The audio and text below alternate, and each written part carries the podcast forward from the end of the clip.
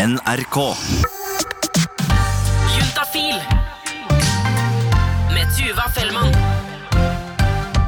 Når det kommer til sex, kropp og følelser, så er det mange ting som er deilig å snakke om. Men vet du hva det aller, aller deiligste er, reporter Remi Horgard? Nei, det vet jeg ikke. Det er å få høre og få fortelle sine historier om pøking.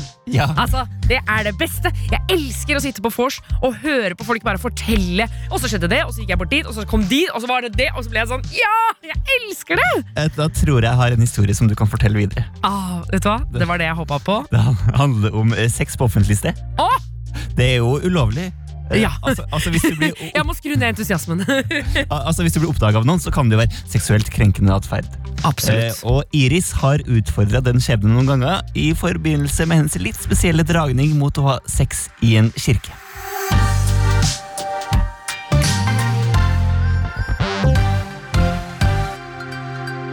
Altså Hvis noen hadde bestemt seg for å komme inn på messe, så hadde de sett meg bli tatt bakfra. Iris forteller om å ha sex i en kirke under en gudstjeneste. Hun er veldig glad i å ha sex i offentligheten, der det er en mulighet for å bli ferska. Jeg har hatt eh, sex i en restaurantbooth. Og det var den gangen på en T-bane. Det er en metro i en millionby midt imellom to stopp, og det var ingen som var på vogna. Og så var det sånn Vi må slå til, liksom. Den gangen på bilferie. Mellom de to bruene. Og så var det skikkelig varmt, og så endte vi opp med å bare pule oss. Eh, Men da veit jeg at alle bilene som kjørte over, de så oss. Og så var det det med kirka, for kirka har vært et tilbakevendende åsted. Oldemoren min er jo katolikk.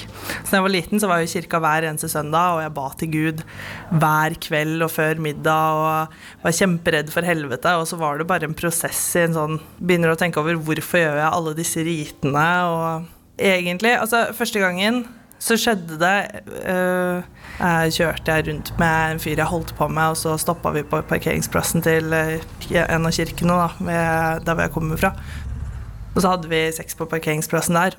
Og bare det syns jeg var liksom sykt spennende. Det var mye artigere der enn hvilken som helst annen plass. Det ble jo som en inspirasjon til andre akter, da.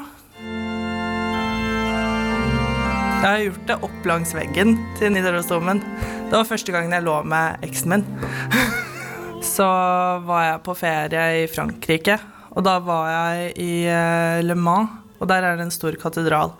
Og den var jo åpen for turister, og det var masse folk som vandra rundt. Men de har ganske sånne store um, skulpturer da, og statuer av Ave Maria og andre helgener. Ja, bak den så driver jeg og deepthroater og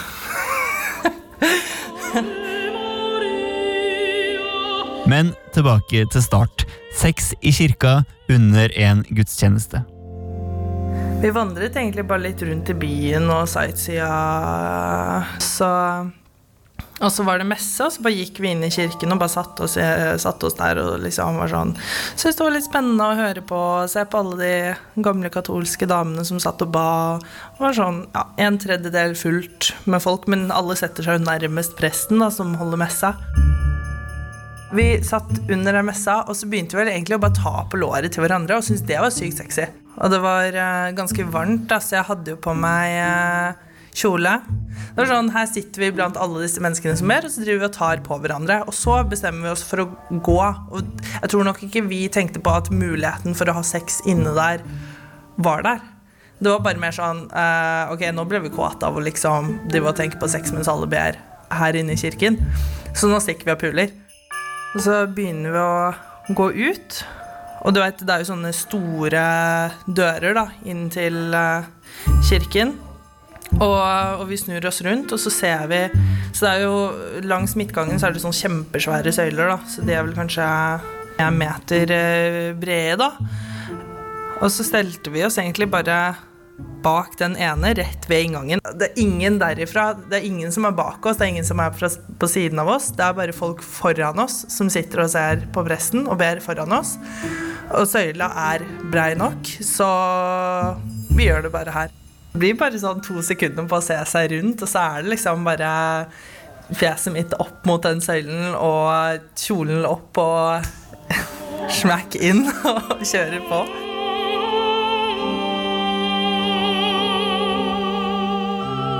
Har du, har du noen ganger fått litt sånn panikk for et eller annet? Du, du blir litt tåkete, men også veldig fokusert.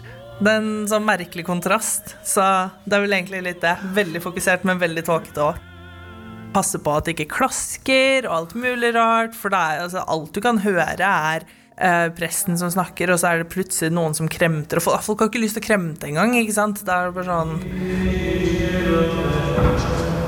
så man må bare være så stille som mulig, da. Og ikke puste for høyt. Og ja, kanskje et minutt eller noe sånt. Og så til slutt så blir det sånn der Ok, nei, nå må vi bare gi oss. Det er sånn Nå har vi, nå har vi på en måte ikke feiga ut. Vi har liksom hatt innenfor eh, minimal amount of time til å bare Ok, vi har hatt en liten økt, liksom. Og så er det sånn Hvilke har konsekvenser? Svopp. Uh, ok, bare eh, lat som ingenting og gå ut, liksom. Smokk med døra igjen, og så Altså når man kommer ut, så er det sånn Å, fy faen! ah!»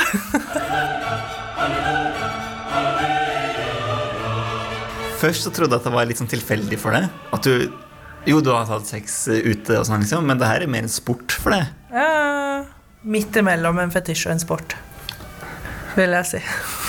Angrer du deg av og til, eller er det liksom, tenker du at det, at det av og til er drøyt? At du liksom At det er respektløst, eller? Nei. Jeg vet ikke hvorfor, men jeg bare har ikke noe Det er på en måte ikke mot de individene, eller mer mot den derre autoriteten og helligdommen og alt det, det bygget har, da. Definitely going to hell.